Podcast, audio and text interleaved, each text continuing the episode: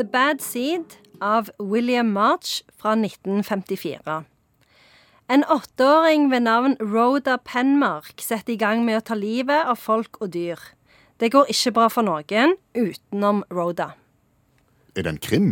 Nei, det er ikke en krim, men det er en såkalt kultklassiker. Og det er jo på en måte en egen kategori med klassikere. Det er sånne bøker som var eh, veldig sjokkerende eh, når de kom ut. Som gjerne skriver fra en sånn subkultur. Så det her var de tøffeste i klassen. De leste The, The Bad Seed, og så de andre syntes ikke det var noe særlig, og så går det bare lenge nok så blir det tøft for alle. Nemlig. Og det som er nyttig med å komme trekkende med de av og til, det er liksom at det, folk er sånn Hæ, det er en klassiker. Og så kan du være sånn eh, Ja, det er en kultklassiker, liksom. Så da blir du ennå kan du fort bli litt sånn ekstra kul i festlig lag. Så du må jo, må jo vurdere festen, da. Om du skal trekke denne fram eller ikke. Kul med kult? Ja, nemlig. Men er det en klassiker bare fordi det er en kultklassiker, eller er det fordi det er en bra bok? Nei, det er en bra bok, men det er aller mest en kultklassiker. Det som er aller mest interessant med eh, denne boka, det er jo at det er en åtteåring som blir seriemorder, for det er jo litt spesielt. Eh, ja! I hvert fall vet ikke om så mange.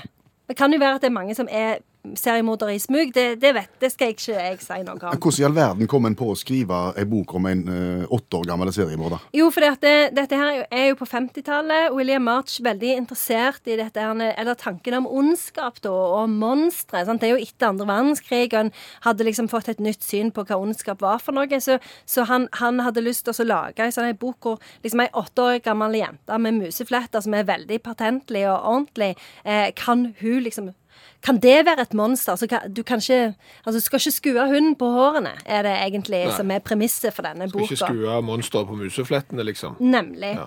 Eh, og så er det jo òg en periode hvor eh, liksom eh, tanken om femininitet og hva ei kvinne skulle være, var på sitt høyeste, da.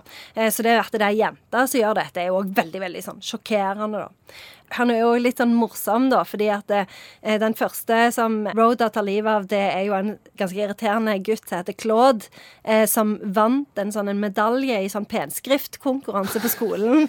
Ja, de er siste sort. De er siste sort. det tåler ikke Rhoda, for å si det sånn. Blir han drept med fulle penn? Han burde jo det. Veldig plagsom med mor òg. Men er, er, det bare barn hun tar livet av? Nei, nei, nei. Barn, dyr, voksne. Det er liksom til slutt mora.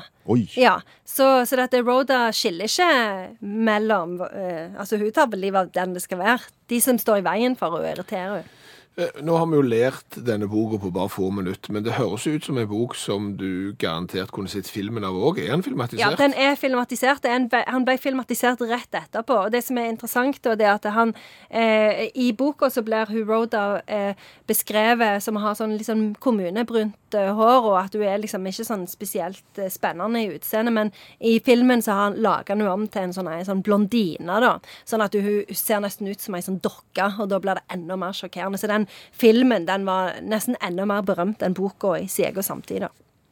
Har du et sitat? Ja, jeg har sitat. Det er dette. Et barns tanker er så herlig uskyldige, så frie for bitterhet og løgnaktighet. Ironisk. Sa hun før hun stakk med fyllepennen.